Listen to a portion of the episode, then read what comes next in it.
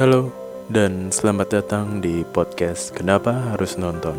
Saya Chess, dan di podcast ini saya akan merekomendasikan film-film yang bagus menurut saya, serta menjawab pertanyaan kenapa sih kita harus nonton film A, kenapa kita harus menonton film B.